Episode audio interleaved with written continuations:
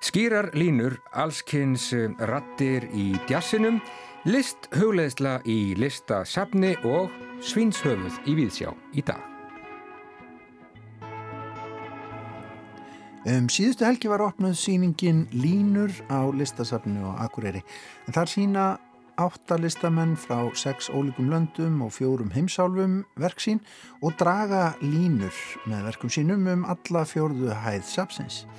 Í síningaskráni kemur fram að titill síningarnar vísi til tenginga á milli landa, á milli listforma og listamanna og út í samfélagið og þar segir einnig að síningin línur tengi Ísland við fjarlaga og framandi menningarheima í gegnum myndlist og meðal þess sem verði til í rýminu sé kontrapunktur þar sem verkin ímist trubla eða bæta við hvert annað.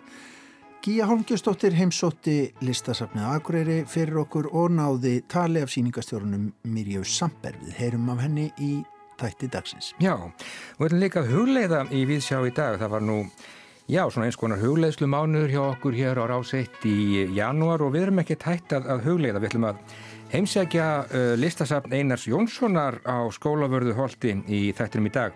Þar er nú bóðið upp á svo kallaða listhugleiðslu.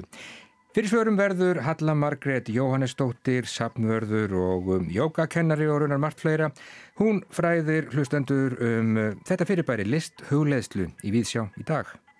Bókvikunar á rás eitt að þessu sinni er skáltsagan Svínsöfuð eftir Bergþóru Snæbjörnsdóttur. Bókin vakti mikla aðtegli á síðasta ári, var meðal annars tilnæmt til Íslensku bókmentavelunina, hrefti fjöruvelunin í flokki skáldverka og var valin besta skáltsagan af starfsfólki bókaveslana.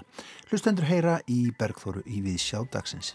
Já, en við byrjum á djassi og nokkurum röttum sem hafa tekið upp á því að syngja og leika hann Þrátt fyrir að koma úr öðrum áttum hér koma nokkrar slíkar ratir. Now you say you're lonely You cry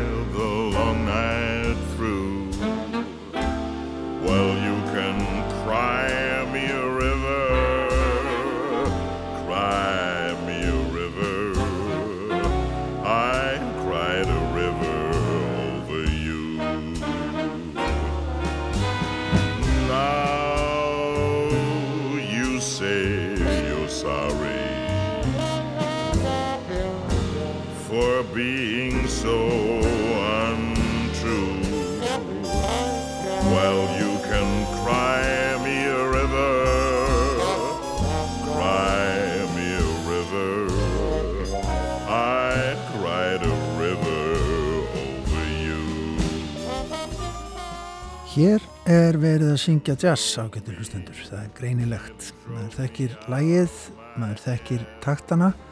Röddinn er ríkuleg og mjúk, stórsveitar útsetningin þykk í byggingu, hljóðfæraleikurinn fáaður. Þetta er af plötu sem er ekki svo íkja gömul, kom út seint á árinu 2018. Maðurinn sem hér syngur er framan á umslæginu, að svo miklu leitið sem við tölum um umslög í dag. Jú, einhver staðar, kannski í vestlunum langt út í heimi hljóta umslögin af þessari plötu að vera. Maðurinn sem að syngur byrtist okkur á svartkvítri mynd og hann er með höfuðfata á höfðinu, svo kallaðan sixpensara. Hann er með lokuð augu á myndinni og er í söngnum miðjum einbyttur fyrir framann hljóðfærið, röddina og munnin er mikrofón af gamla skólanum til vitið eitt þessara silfröðu og hálkúlulaga hljóðnemum. Hér er verið að vinna með síkilt minni, hér er jazz stórsöngvarinn á ferð. You drove me, nearly drove me out of my head. While you never shed a tear.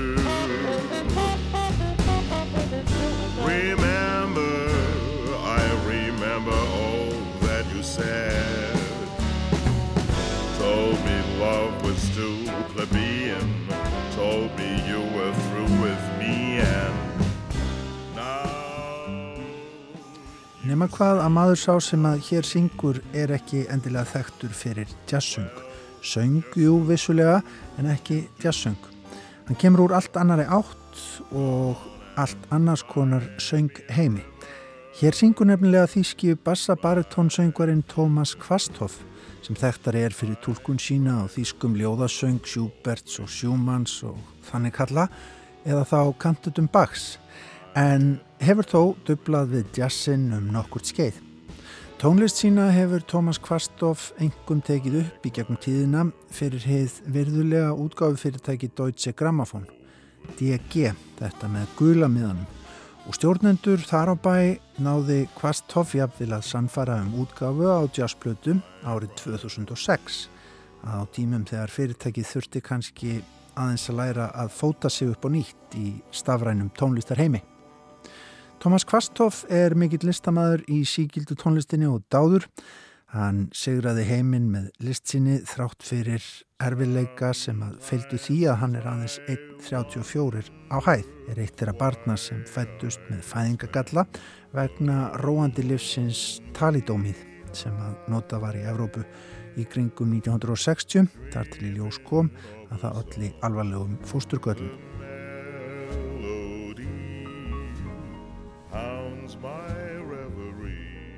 Hvort Kvasthoff er endilega besti jazzsöngvar í heims skal ósatt látið en hann er fantafín tónlistamæður. Hann er eitt dæmi um það og alls ekki það allra vesta þegar síkilt skólaðir söngvarar takað upp á því að ætla að fara að syngja jazz. Jazzsöngur er nefnilega vandmeðfarin list. Manni finnst oft að yfir honum gíni síkildar rattir jazzins á 20. stöld og undan þeim skuggum sé eiginlega vonlust að komast. Það er til dæmis erfitt að hlusta á plötu Tómasar Kvasthoff nefn að velta fyrir sér samanbörði við hérna Silki Mjúku og djúbu rödd Johnnys Hartmann sem að náði einna mestu flugi um miðjan sjönda áratvín í sínum söngu. En svona er þetta auðvitað í öllum listum. Alltaf einhver samanbörður uppi við fortíðina. Nefna hvað að manni finnst hann stundum einhvern veginn meira ábyrrandi í jazz-söngnum. En hér er önnurödd og aftur úr allt, allt annari átt. I get along without you very well Of course I do Except when soft rains fall And drip from leaves then I recall The thrill of being sheltered in your arms. Of course I do. But I get along without you very well. Jú, kannski þekkja einhverjir þessaröld. Spurt er, hvað gerir rockstjarnar sem er að nálgast sjötusamælið sitt þegar einhver 15 ári er liðin frá því að hún var tekinni í fræðarhöll Roxins fyrir hljómsveitina sem hún stopnaði. Söng með, leik á gítar og samti mörg ef ekki flest lagana fyrir. Jú, svar, hún gefur út jazzplötu. Reyndar jazzplötu með smá snúningi, ef svo má segja. Röttin fyrir þá sem ekki kvektu strax er röttinnar bandarísku Christine Ellen Hind sem yfirleitt er betur þekkt sem Chrissy Hind og var á sínum tíma og kannski er hún bara enn aðalsbrautan í hljómsveitinni The Pretenders. Hind gaf út í fyrra plötuna Valve Bonafide Voe þar sem hún syngur með samnefndri hljómsveit sem er vel spilandi. Útsetningarnar á jazzstandardum og reyndar hinnum og þessum poplögum úr ýmsum áttum eru skemmtilegar og hufitsamlegar, vel fluttar. Þarna skjóta upp kolli lög úr smiðju The Beach Boys, Charles Mingus, Nick Drake, Johns Coltrane, David Bowie og fleiri og fleiri. Undanfærin ár hefur talsvert borið á því að lögin í söngbók Jazzins hafi komið úr fleiri áttum en áður. Söngbók Jazzins verðist er að stækka. Og rödd Chrissy Hind sveiplast millir þess að vera hæfilega alvarleg og hæfilega kæruleysisleg í söngnum. En hún er alltaf nokkuð kúl. You don't know what love is until you've learned the meaning of the blues. Until you've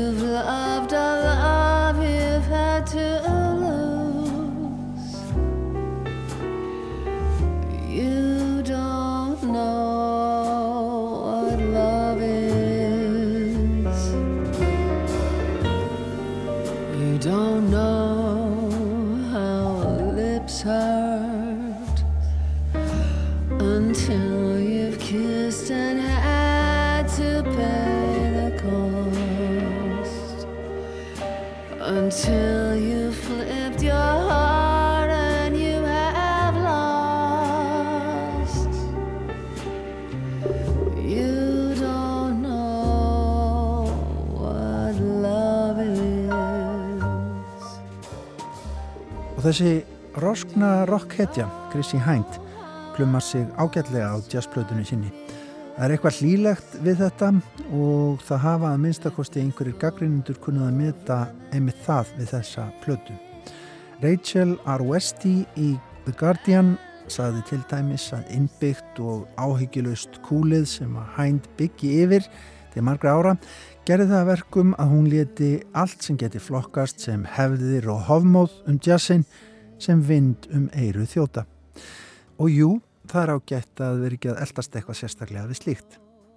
Og hér í lokin er enn önnur rödd í ströymiðu jazz elfunar þessa dana.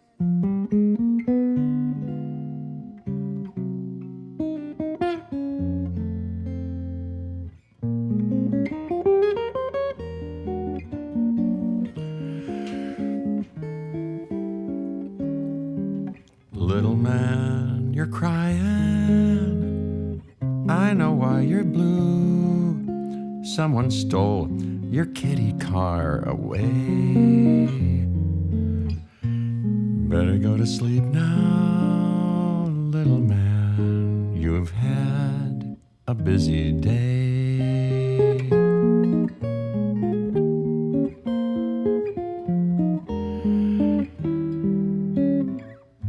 Johnny won your marbles.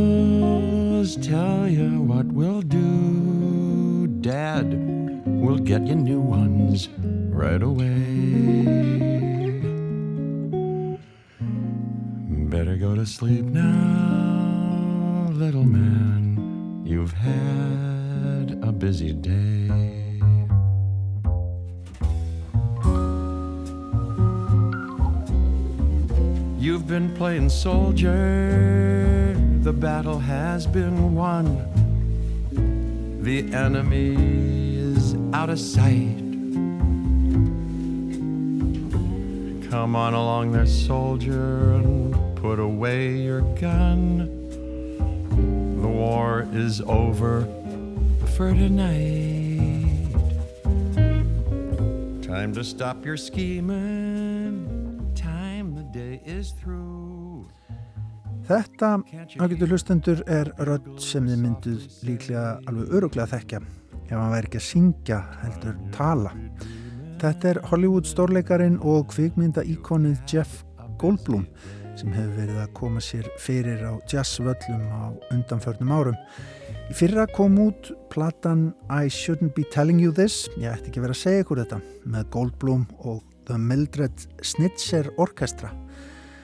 Á umslæginu situr Goldblum í skínandi sólskinni, líklega einhverstaðar vestur í Kaliforníu og auðvitað með dökk sólgleru á nefinu við hvíta nettan flíil út í miðri sundlög. Bara myndin er ekta Goldblum. Hann þarf eins og er ekkert að kasta sér í djúbulögina því hann er fínasti píjánuleikari og á stúdíoplötunni frá í fyrra og líka tónleikaplötu sem að kom út ári áður fær Goldblum til liðs við sig og kljómsveitina tónlistarfólk úr ymsum áttum, söngkonur ekki síst. Nefnum á Fiona Apple, Önnu Calvi og Miley Cyrus sem einhver dæmi. Á upptökunum situr Goldblum þó engum þögull við píanóið sjálfur, spilar af ágætu listfengi með verulega hæfileikaríkri hljómsveit, en stýrir greinilega stöðunu. Þarna er gleðin við völd á milli þess sem að stemmingin er keirð niður í rólehitt.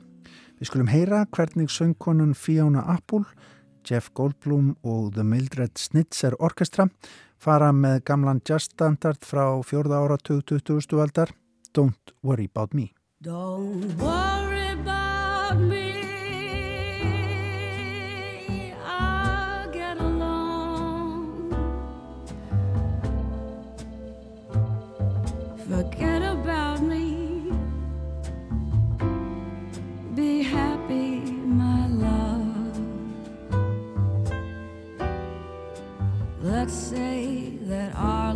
Show is over and so the story ends. Why not call it a day the sensible way and still be friends?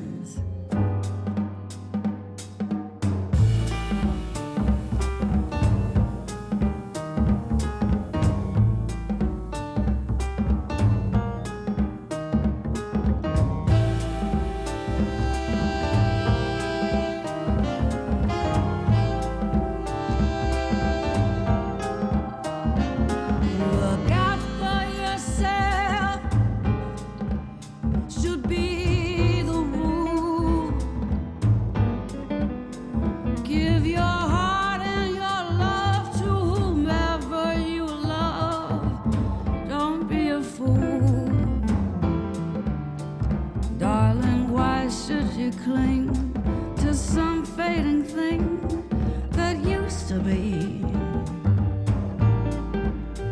Huh, if you can forget, don't worry about me.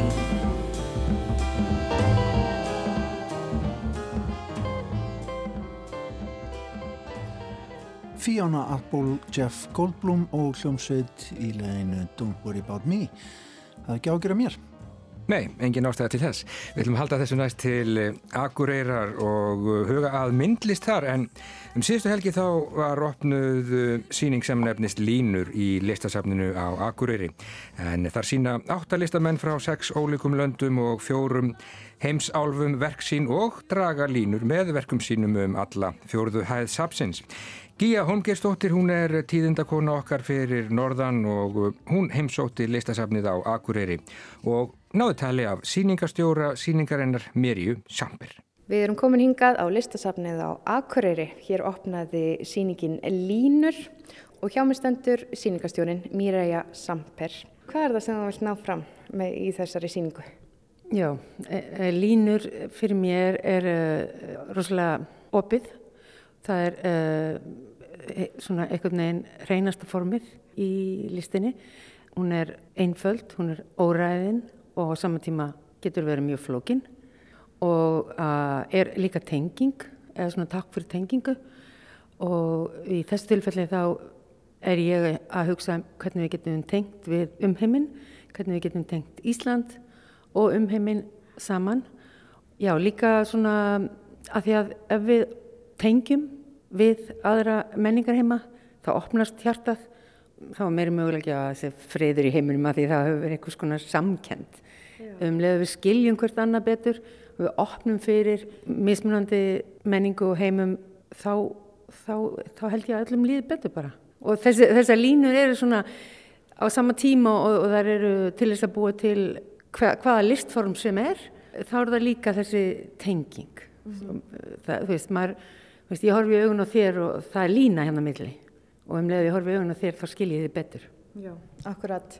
Og þetta eru ólíkir miðlar hérna, uh, listamennir eru að vinna á mjög ólíkan hátt en uh, verki sem er hérna við stöndum beint fyrir neðan, já þar sem línan er eiginlega bara mjög skýr. Þetta er, uh, já, segð okkur aðeins frá þessu verki sem við stöndum hérna beint fyrir neðan sem tegir sig hérna yfir allan salin. Já, nákvæmlega. Þetta er einmitt bara þræðir, algjörlega ekkert nema línur og búið til úr, úr gatni og maður myndi halda að svona stort verk og er ekki að búið til úr svona litlu efni en þetta er bara, þetta er bara gatn.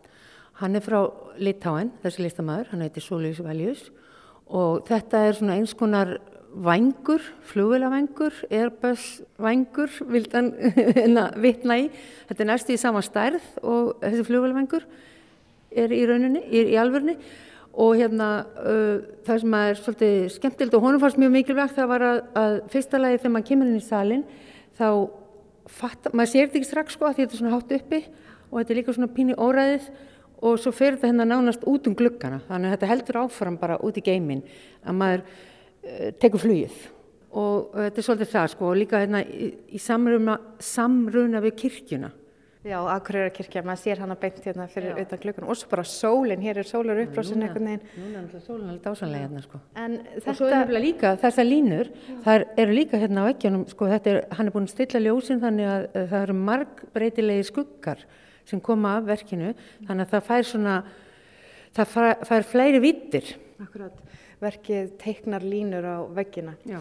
Eh, Ég hugsa oft sko líka þegar ég sé flugvilar fljúa um loftið, þá eru það að teikna Nákvæmlega. línur í loftið, þetta myndi mér svolítið á það. Já. En það er annar listamæður inn í þessum sal, segð mér aðeins frá henni, þetta eru, þetta eru meira svona figuratív verk. Já, þetta er Almut Bánfalk, hún er frá Þýskalandi og hún er, uh, já, þetta er figuratíft, hún er nefnilega að blanda saman sko að mála og ljósmyndatekni. Hún málar á gerfi silki, þannig að þetta er gegnsætt og þarna eru líka eftir hvernig byrtan er eftir klukkan hvað og kemurninga, þá sérðu mismunandi hluti á verkinu og, og það eru skuggar fyrir aftan, þess að fyrir innan verkið sem myndast líka vegna þess að, hérna, að þetta er gegnsætt efni sem hún notar, þá er hún líka að, að vinna með línurnar og skuggana sem koma fyrir innan verkið. Og inn í næsta sal, þá erum við nú komin í mjög svona náttúrulegar línur, myndi ég segja. Þetta er, þetta er ótrúlega dulúðlegt verk. Segð mér aðeins frá þessu. Já, þetta er nefnilega svolítið merkilegt verk sko, þetta er svolítið fyndið og skemmtilegt. Þetta er, hún heiti Miyuki Kito frá Japan sem gerir þetta og þetta er búið til ónýndum sokkaböksum sem að, sem að hérna, uh, hún tógar og tegir og myndar með skuggamyndir og landsl, eins konar landslag. Sumum finnst þetta að vera eins og íslenskt raun, uh, þú sagðir að þetta var eins og drópahellir. Já, svona drópusteinar uh, sem koma hérna upp úr, upp úr einhvers konar raun. Þetta er allavega mjög náttúruleg form. Já, þetta er svona, þetta er mjög lifandi, þetta er mjög organist. Hennar hérna leið til þess að búa til nýjan heim, einhvers konar döluðafullan heim uh, sem að við getum svona rent okkur inn í en alltaf, hún notar alltaf eitthvað svona efni, efni við úr hverstasleikanum sem er til dæmis eitthvað fatalt, eitthvað eins og ónýta sokkaböksun, likkjufalla á neglasokkaböksun, það er bara agalegt, konum líður agalítla þegar að fá likkjufalla sokkaböksuna sínar en hún er að búa til einhverja fegurð úr því, nákvæmlega úr því. Já. Já, það er mikil fegur og það er svona ein ljósapera sem að lýsir hérna hangir úr loftinu og, og, og fyllir líka rýmið af skuggamyndum. Þannig að Já. þetta er enn eitt verki sem er að teikna hérna á veggina. Nákvæmlega, akkurat. En færum okkur yfir úr þessari sokkabuxna náttúru veröld og hér höfum við, já þessi listamæður er frá Hong Kong. Já. Hann, hann heiti Labib og er já, frá Hong Kong, býr í Berlín reyndar og hann leggur áherslu á að það sé aldrei hægt að rekja hann í beitni línu. eh, hann vill vera með mjög, mjög, mjög svona mikla breytt í því sem hann gerir þannig að það sé ekki hægt að segja já þetta er hann, þetta er hann, þetta er hann, þetta er hann. Eh, hérna til dæmis þetta hérna verk, þetta er hauskúpa sem að hann er eiginlega alveg vissum að þessi maður var drepinn eða dó út af þessu gati á hauskofni en þetta er samt bara lína. Við sjáum bara hérna þú veist, hann tekur bara svona nærmynd af hauskopunni smá part. Og þetta er samt eins og hva, líka eins og eitthvað svona vegur gæti verið sko göngstígur eða eitthvað En það er kannski það sem hann gerir svolítið í verkum sínum, hann leikur sér með þennan raunveruleika, hvað er raunverulegt og hvað er ekki, þess eitthvað svona tvíræðni í verkunum hans. já, já, nákvæmlega. Og hann segir líka sko allt sem ég gerir er feik Já, blátt áfram bara. hann segir það bara, allt sem ég gerir er feik þetta er allt feik Uh, þessi síning hún nær hérna yfir alla fjórðu hæðina. Og hér erum við komin hérna út í svona miðrými og hér eru mjög litrík verk uh, sem að byrtast okkur. Já, þetta er Rim Karoui frá Túnis og hún því miður er svo eina sem komst ekki til landsins. Það eru það er mikið átök heima hjá henni, ekki heima hjá henni, heldur í landinu hennar og meiri sér að fengum við ekki öll verkin sem við ætlum að sína eftir hana út af uh, alls konar veginn, hún þurfti að smikla verkunum út úr landinu og senda það síðan frá Fraklandi og svo festistu í tollinum og alls konar veginn. En um, hún er sennilega frægasti listamæður í Túnis í dag. Hún er uh, málari og hún er mjög pólitísk. Það eru rosalega mikið að hérna, skilbúðum í þessum málurkum. Þau eru rosalega svona virka, fyrir suma virkar þetta svolítið svona næft eitthvað einn, en þetta er ekki samt næfismi, þetta er alveg, uh, hún gerir þetta ásættur á því svona og, og hérna, og eins og segi mjög pólitíst, þetta er fullt af táknum, bæði skrifuðum orðum og, og, og mynd, táknmyndum. Þú sagðir að hún hafi þurft að smigla verkunum út úr Túnis. Já.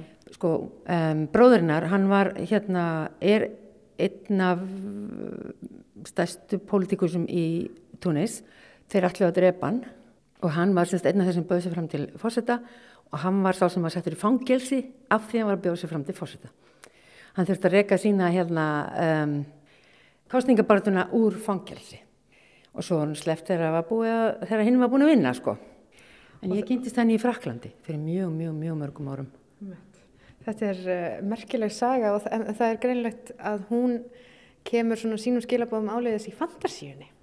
Já, akkurat, nákvæmlega í fantasíunu en með mjög skýr skilbóð. Förum hérna inn í næsta sal. Hér byrtist okkur landslag. Já, þetta er samrunni af Mexiko og Íslandi. Þessi listamæður heitir Armando Gómez og er frá Mexiko. Hann, þetta, er, þetta er íslensku sandur sem hann uh, fann hérna, sem hann notaði og hann bjóð til þessi, hvað ég segja, skapalón uh, til þess að móta þennan skuldur sem er hérna á gólfinu, þessi einsetningu og hann, uh, í þessu landslægi sem við horfum á hérna gólfinu þá er hann búin að blanda saman bæði Mexiko og Íslandi sem eru þessi eldfjallalönd mm -hmm.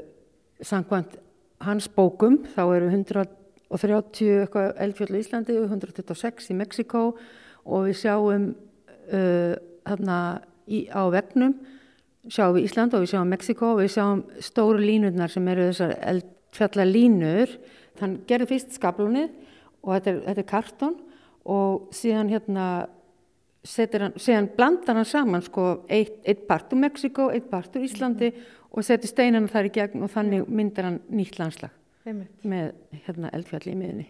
Og svo í kringum þetta náttúruverk, þar eru málverk. Já, þetta er Kristín Snappumúrk, hún er frá Þýskalandi líka. Hún er svona, leggur áherslu á að ekkert sé allt og allt er ekkert og vinnum með alls konar, mm, þó maður sjáu það ekki, þá er alls konar rík og drastl og drulla í verkunum hennar. En þau, það rennur saman við litina því að litirnir skipta hana miklu máli. En það er rosa mikið tilfinningaleikur hérna í þessu samt. Maður þarf ansast aldrei að við, sko. Síðan er það síðasti listamæðurinn og það er nú verk sem að vakti töluverða aðtegli á opnuninni. Þetta er svona verk sem að sogar mann einhvern veginn inn í einhvern svona já, töfrandi dölúð og við ætlum að lappa að því verki. Litir steinar sem eru bundnir í spotta og það er aðeins sagt að hreyfa þá. Þannig að þetta er eins og einhverjar óra vittir. Segðu mér aðeins frá þessu verki. Uh, já, þetta, hann heitir Hiro, Hiroshi, Igami Hiroshi frá Japan sem gerir þetta verk og þetta eru steinar sem eru að hluta til uh, íslenskir og hluta til japanskir. Hvort vekja frá sérstökum stöðum, íslenski steinarnir eru út Ritvík og japansku steinarnir eru líka frá svona sérstaklega orku, orkusvæði í Japan. Og hann vil vísa til þess að við hefum að hætta að nota heilan svona mikið. Við hefum að nota hjartað. Við hefum að horfa á listaverk og finna fyrir þeim, ekki vera að hugsa svo mikið hvað er þetta og um hvað er verið að segja og eitthvað svona. Bara finna, upplifa og finna hann vil uh, ná beint inn í manneskina með tilfinningunni Já. Uh, þú talar um kontrapunta í síningarskráni Já. þú kannski hefur náð hérna góðum kontrapunkti, góðum samhljóm hérna á millir ó, ólíkra listamanna Já, ég held að ég, akkurat, það er akkurat það sem að akkurat það sem er mjög mikilvægt, það er að hafa sko, það er eitthvað tensjón, eitthvað svona spenna en samt balans á saman tíma og mér, mér finnst það vera hér, mér finnst við hafa haf- það og kontrapunkturinn er mjög mikilvægur. Takk fyrir spjallið og gangi ykkur vel. Þakka þér, kærlega. Gíja Holmgistóttir og Mirja Samper, síningastjóri, línur alþjóðleg samsýning opnuði í listasafni Akureyrar um síðustu helgi. Já, ljómandi áhugavert, en bókvikunar hér á ráseitta þessu sinni er skaldsagan Svinshöfuð eftir Bergþóru Snæbjörnsdóttur. Bókin vakti mikla aðtikli á síðasta ári og var meðal annars tilnæmt til Íslensku bókmynda verðlun Anna. Hún hlaut engar jákvæða gaggrinni, en eh, þetta er fyrsta skaldsaga Bergþóru sem vakti töluverða aðtikli fyrir ljóðabókina Flóritu sem kom út fyrir fáinum missurum.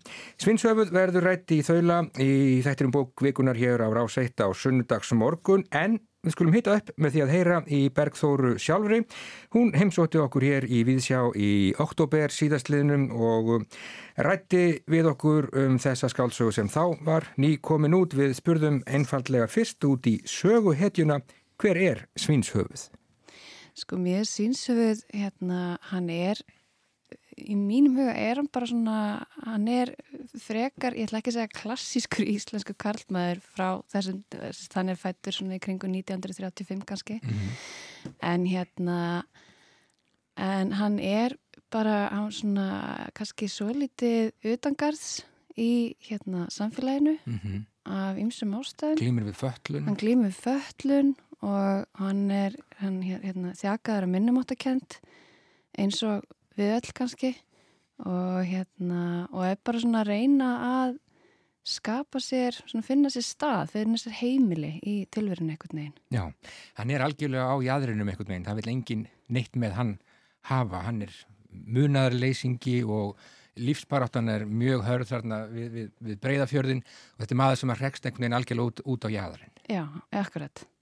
Hann er hérna, um, hann kannski e, spekla líka svolítið þetta gráa svæði, þú veist, okkur hætti til að skipta fólk í gerindur og þólendur Mm -hmm. þegar að við erum flest bæði, það leynist allavega uh, báðir, bæði ger, gerandi og þólandi innra með okkur öllum Já. þannig að hérna þannig að hann svona, uh, jú, er þjakaður af einhverju sásöka sem að hann svo dreifir áfram. Já, einhvern veginn smitast áfram og öðrum þræði ertu kannski að skrifa um uh, að því að þú spannar langan tíma í, í þessari bók og þetta er já, fjölskyldu saga, þú ert kannski að svona öðrum þræði að skrifa um, um sársöka sem að, sem að erfist einhvern veginn. Akkurat, sásöka sem erfist, Mhm. kynslu á milli. Já, og hérna, og það er spurning hvort það sé sko, þeir segja núna að það sé eitthvað genatíst já, sem er svolítið spendi mm og, og jáfnframt svolítið ókveikjandi en líka sko hérna að e, þessi gamla tugga sásiki e, muni halda áfram að flæða niður kynstóðna þanga til einhver horfist í augu við hann sem að hérna hann gerir ekki. nei, einmitt. Það er mikið svona nötur leiki í þessari sögu Bergþóra, kuldi jafnvel. Já, akkurat. Það er hérna, það var ekki meðvitað, Nei. alls ekki. Mm -hmm. og mér þykir vænt um personurnar en ég er kannski, ég var samt svona emmitt, hef heng- heyrt það að það sé svolítið illa komið fram við þær En þú segir sögu þess að manns uh, svona frá ýmsum, ýmsum sjónarhornum, það eru, eru karakterar sem að taka til máls í, í bókinni og svo undir lokin tekur nú til máls þessi drengur, eh, kynverski drengur sem kemur hinga með eh, móður sinni eh, í gegnum hjónabandsmiðlun. Hann einhvern veginn tekur sviði þarna undir lokin og mm. já, segir sína sögu sem er hansi merkilega og þú ert náttúrulega að fjalla um fólk sem er uh, undirokað, þú ert að fjalla um fólk sem er fatlað og samkynneitt, svo Mm. dæmis þetta tekið. mm já, akkurat, það er kannski svolítið hérna eins og með eins og með hann um, mér fannst einhvern veginn að hans sjónarhótt þyrft að heyrast og ég var svolítið að leika mér með sjónarhótt í, í verkinu að hérna í bókinni að, að sagt, hvernig maður uh, hvernig upplifun eins er aldrei eins og annars af sama atbyrjunum, hvernig minningar afbakast og, og hérna og já, mér fannst einhvern veginn nöðsilegt að gefa honum smá svona tækifæri til að segja þetta frá sínu sjónarhóttni. Já, það er nú bara held ég minnst á einn rithöfund í þessari bók og það er William Faulkner og hann gerði nákvæmlega það sama fyrir marglöngu. Já, mitt. En þetta er, uh, Bergþóra, ofsalega raunsæ frásögn. Þú tekur þér langan tíma til að fjalla um uh, þetta fólk sem þú ert að skrifa um. Þetta er mjög, hún er mjög uh, svona líkamleg. Eftir að hafa lesið Flórida þá bjóst ég nú ekki við því að það byggir svona mikill realisti í þér en hvað veit ég? Nei, þetta kom mér eiginlega óvart líka og mér fannst, fannst hérna fannst það kannski pínu óþægilegt að vera að skrifa einhverju svona uh, ég átti pínu erfileikum með það þetta varði eitthvað svona tragísk fjölskyldu saga, þetta var, ég ætlaði bara að skrifa einhverju svona þægilega litla bók og svo einhvern veginn varði þetta allt annað. Já, hún er hvorki þægileg né lí- lítil þessi Nei og, og ég var bara, ég er búin að lesa allar bækur sem hafa verið skrifaðar um lífið á breyðaferði og sjómönsku á bókastafninu Já. þannig að hérna, Þannig að þú kyn- kynntir efnið, efnið mjög vel en þú ert náttúrulega að skrifa líka um, um aðstæður þessara kvenna sem koma hingað frá framandi menningarheimum og þurfa að já, ganga inn í það já, óyfirstíganlega verkefni nánast að, að aðlagast íslensku menningarheimi. mm mér fannst það hérna mér fannst alltaf fundist það í raun og veru rosa fascinerandi hérna uh, hugrekki og kjarkur þessara kvenna sem að kominga uh, inn í og, og, og bara út um allan heim gifta sig eitthvað til þess að uh, eiga tækifæri á aðeins betra lífi fyrir sig og fólki sitt. Og hérna og langaði að gera svolítið þrýviða personu það sem að hérna, hún er ekki sérst, já, gera svolítið þrýviða personu sem að er eh, þessi kona sem kemur hinga kemurska kona sem giftist Já, með mitt. Og sest að út á, út á landi uh, í svona, já, þrö- þröngu, þröngu þorpi mjög, en uh, er með eftirminnilega lýsingar til dæmis á móðurinni, Ingibjörgu, sem er móðir svins höfuðs. Mm. Þú dregur upp mjög um, flotta mynda af þeirri konu sem er einhvern veginn þversagnakend og uh, bæði köld og heit. Bæði kvöld og heit, akkurat, já, hún er hérna já, mér þykir svolítið vænt um hana sko um, hún kannski er það svolítið þar eru margar svolítið kaldar og heitar Örvænting annara róaði hana, jarðtengdi, segir einhverstaðar. já, Já. fann akkurat, já, ég var búin að gleyma því já, já, hérna já, emmitt, hún er hún er hérna hún er þessi móðir sko, hún vill svo mikið fyrir alla gera en, en er kannski bara svona ekki algjörlega í stakk til þess búin að vera alveg til staðar sko. Nei, og personur í þessari bók þær, þær vilja nú held ég flestar bara einhvern veginn komast burt og út úr, út úr sínum aðstæðum. þær eru náttúrulega allar í svolítið, þetta eru mjög takmarkandi aðstæður sem að Mm margir þarna eru fastir í Já, svolítið, það er alveg rétt Já. svona þegar þú segir það. Uh, Svínshöfuð, eigum við nokkuð að segja hlustundum hvaðan, hvað það merkir eða hvernig það er tilkomið. Ef ekki að leifa bara væntarlegum lesundum að komast að því. Er það ekki skemmtilega? Ég held Ég held það, það. jú. Sko, Flórida bókin þín frá 2017, það var svona, já, saga í, í ljóðum brot, það eru líka brot í, í, í þessari bók, þótt hún sé auðvitað svona í grunninn epísk, ertu, ertu búin að finna þína aðferð? Eða hvað? Sko, búin að leggja súræðlistan? Ka- kannski, kannski ekki ég hérna þetta er einhvern veginn, það er svona stökkbreytist kannski alltaf aðeins á milli bóka og svo fer maður kannski aftur tilbaka og gera eitthvað allt annað, ég veit, ég veit ekki en mér finnst þetta skemmtilegt sko að það henda mér ágætlega að, að vinna með svona stutta stutt brot í einu Já, um, Já, Já. einmitt. En þarna ertu svona mjá á svona episkum nótum en, en brýtur upp um leið. Uh, Bergþóra, ég veit að þú um, fegst bókina í hendur og svo bara daginn eftir þá egnastu barn.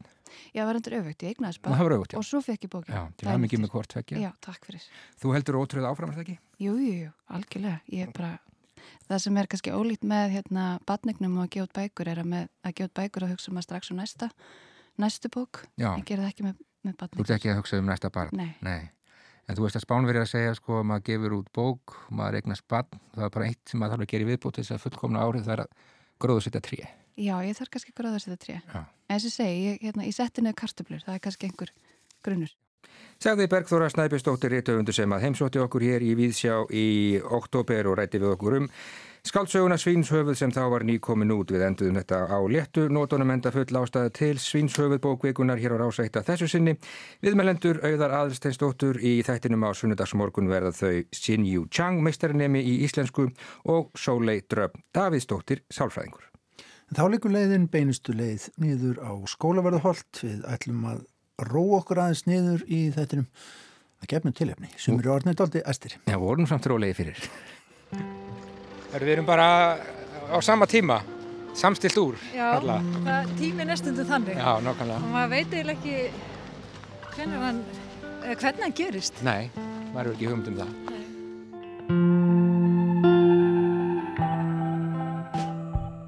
List hugleðsla í listasafni Einars Jónssonar í hádeginu á þriðju dögum Halla Margrét Jóhannisdóttir.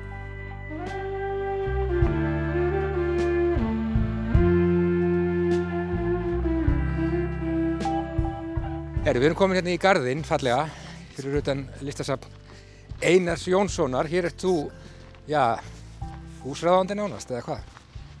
Já, nokkur sinnum í viku er ég hér inni. og það er stórkostlegt að fá að ganga hér í Björg, inn í Nýttbjörg, eins og húsið heitir. Já. En uh, já, það er mjög gefandi að vera innan um bara listaverk í vinnunni. Já, hvernig, það lítur að vera svona, já, svolítið skemmtilega upplöfun að vinna í mitt nákvæmlega í þessu húsi.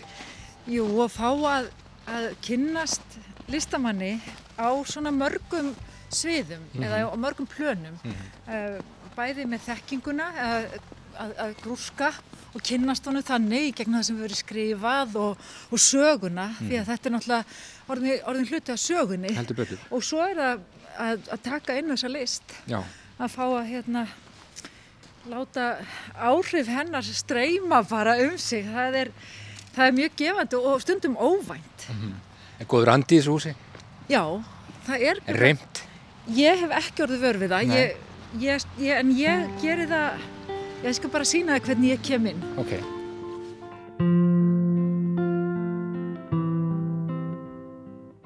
Þá erum komin. var komin inn og svo gangum við hérna inn í hérna gulasal Í gúlasali. þá er það, þetta er morgun rútínan Ég elski þið bara. þannig ég heilsa þeim alltaf verkunum Þú heilsar stýttunum. Já, Já. sérstaklega þessum dreng hérna sem að er einmitt með hendur í bænastöðu fyrir framann hjartastöð. Nákvæmlega. En þetta er svona ritual hjá þér. Já, áður ég kveiki Já, ljósin. hafa verið dagurinn góður. Já, það, það- já, maður bara ákveður það. Já, nákvæmlega. Með því einmitt að bjóða góðan dag. Nákvæmlega. drive me out of my mind. I watched it for a little while. Halla, þú ert að fara að eh, bjóða upp á list hugleðslu hérna í, í listasafni eh, Einars Jónsson. Ég hlýt nú bara að spyrja þig, sko, hvað, hvað er list hugleðsla? Hugleysla er náttúrulega bara það, hefur það markmið að, að kyrra hugan og sko þetta hefur verið gert eins og maður segir í útlandum að bjóða fólki inn í listasöfn til að einfallega hæja á. Og þetta er mjög kjörinn staður til þess að hæja á. Og allavega í útlöndum og þá talar fólk um og ég hef svo sem alveg tekið eftir því líka hérna að gestur eru stundur svolítið fljótir í gegn. Já. Það er svolítið eins og við þurfum bara svona að haka í reytin. Já, ég fór þarna, gerði þetta, það er komið. Og í mörgum söfnum kannski tekur fólk bara myndir og allar svo að skoða þegar það kemur heim. Já.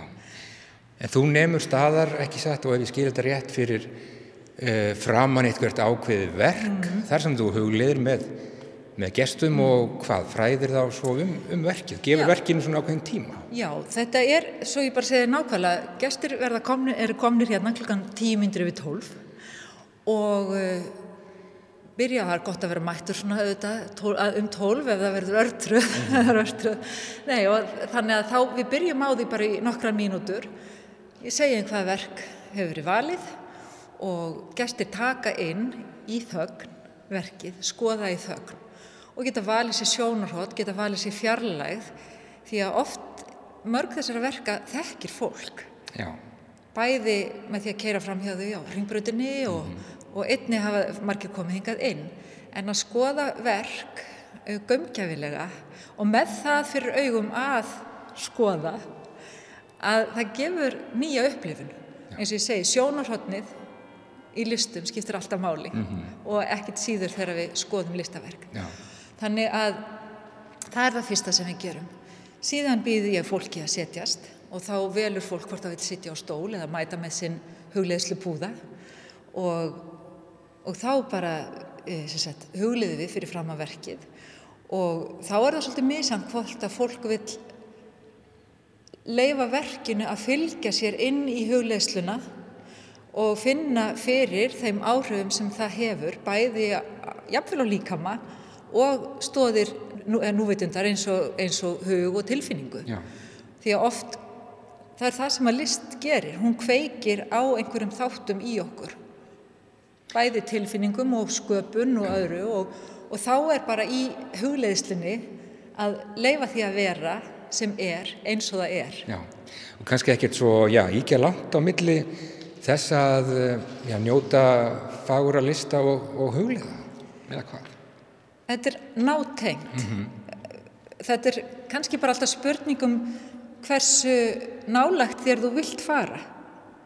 Hversu, já, hversu svona, já, bæði, já, hversu nálagt þú, þér vilt fara í rauninni. Já, ef ég væri nú komin hérna í hugleislu til þín, Halla, uh, við myndum nema staðar fyrir framann styttu sem að heitir Drengur á bæn frá árunnu 1895, hvað myndi ég bara standa hér og, og uh, róa mig niður eða myndir þú leiða mig áfram, hvað myndir þú gera? Já, ég leiði inn í sjálfa hugleisluna. Fyrst færðu að taka þá inn verkið og skoða það og, og velta því fyrir þér á þínum forsendum og síðan förum við inn í hugleisluna og þá væntalega situr þau annarkvort á stóli eða á, á gólfi og síðan e, eftir hugleisluna að þá býðir þér að opna augun aftur og þá farðu smá fræðslu um, um þá myndir þú fá til dæmis fræðsluna um drengur og bæn og þetta er, sagt, þetta er frá námsárum einars og þetta er eina verkið sem hann gerði í marmara. Kottnungur þarna. Já, og hans hafði þetta verk aldrei til sínis hérna í safninu. En uh, það er við, við hæfi að sína þetta sem hluta af hans þroskaferli Nákvæmlega. sem listamanns. Getur þú gefið mig stikkpröf ef ég væri komin hérna til þín og, og hérna og hvað myndir þú segja við mig? Þá myndi ég bara bjóða þig velkomin til að byrja með. Vertu velkomin Eiríkur Takk. á listhugleislu, í listhugleislu í listasafn Einars Jónssonar. Og e, nú ætlum ég að bjóða þér að e, skoða verkið í þögn eins og þú velur að skoða það. Þú getur farið nálægt, þú getur farið langt í burtu, uh, þú getur farið jafnvel hringin í kringum það, uh, þú getur beint augum, þú getur farið upp á tær og litið niður og þú getur byggt nén og litið upp og uh, auðvitað er það takmörkunum háð því verkið er kjört en þú getur hreift þig og valið er sjónarhótt. Þannig að ég mun bjóða þær að gera þetta núna í svona eins og sjö mínútur, sjö Já. til tíu mínútur. Náum því miður ekki útvarpa því.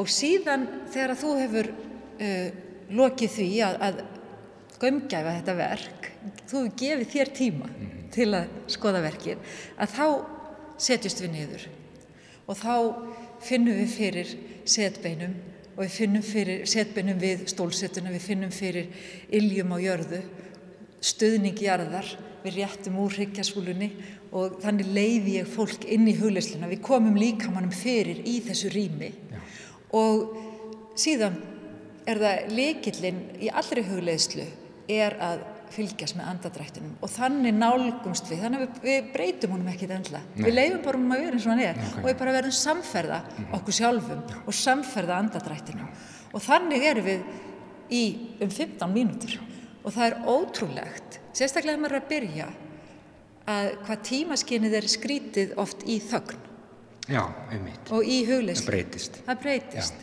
Við vorum með sko hugleiðslu mánuð uh, á rás 1 í janúar og, og það var, uh, það var hugleitt í, í, í útvarpinu og þetta, þögn í ríkjafítarpinu. þögn, ég segi þannig kannski ekki alveg. Það eru möntrur. Já. og þetta um, snýst jú allt um það, er það ekki að kyrra hugan og, og flýja, flýja stressið og, og samtíman sem að tekur mann á, á taugum og já, gefa, gefa hlutum og e, í þessu tilfelli verkum Einars Jónssonar gefa þeim, gefa þeim tíma. Já, gefa þeim tíma og ég myndi líka segja að þú ert að gefa þér tíma og þetta þarf ekki endalega að vera flótti. Nei. Þetta er kannski bara val um að stíga inn. Og meinholt auðvitað. Og já, algjörlega. Og svo þegar þú ert búin að hugleiða að þá, uh, já, gef ég smá fræðslu um verkið í svona eins og tíu myndur og eftir. Og síðan þegar því er lokið, þá getur fólk gengið um safnið og tekið meira inn ef að það er þannig. En við miðum þetta við þessa, þennan viðburð við 50 mínútur, þannig að fólk getur farið aftur í sinna vinnu. Já. Hljómar uh, ljómandi vel, uh, Halla Margrét Jóhannesdóttir, þú uh, situr hér yfir verkonum hans Einars og þú yrkir líka ljóð, gafst út ljóðabóka á, já, bara síðasta ári, ljós og hljóðmerki heitir hún ekki satt? Jú. Þín bók nummer 2, er þetta yrkja hérna eitthvað? Já, ég tek allavega eftir því þegar að eitthvað, eitthvað dúkar upp og, og maður getur alveg punta niður eða, hérna, eða setja, setja í minnið og það er svolítið gaman að því að, að vera hérna í listasafninu vegna þess að það eru hérna nokkur verk þar sem að er rakin eiginlega saga þess mm -hmm. og þá sér maður að eitt svona stórt verk, til dæmis eins og útlagarnir eða alda aldana að þetta er ekki eins og það er sagt í bíó one take þú, þú ræðist ekkert á verkið stóra þetta eru mörg skref mm -hmm. í átt að einu listaverki ja. og þetta eru mörg mistök Einmitt. það er það sem að ég hef ekki, ekki síst lært að, að, að fagna eh, í mínum skrifum mm -hmm. þannig, að, þannig að það er sannlega gefandi mörgum sviðum að að koma hérna í þetta listasafn Einarsson. Haldi upp á mistökin. Uh, Listhugleisla hér í listasafni Einars Jónssonar á þriðjudögum í, í hádeginu. Ég segi bara Halla Margrét Jóhannesdóttir, takk hérlega fyrir að gefa þér tíma og, og sveimir þá. Ég held að ég sé bara strax róleri. Takk og gangu vel. Njóttu.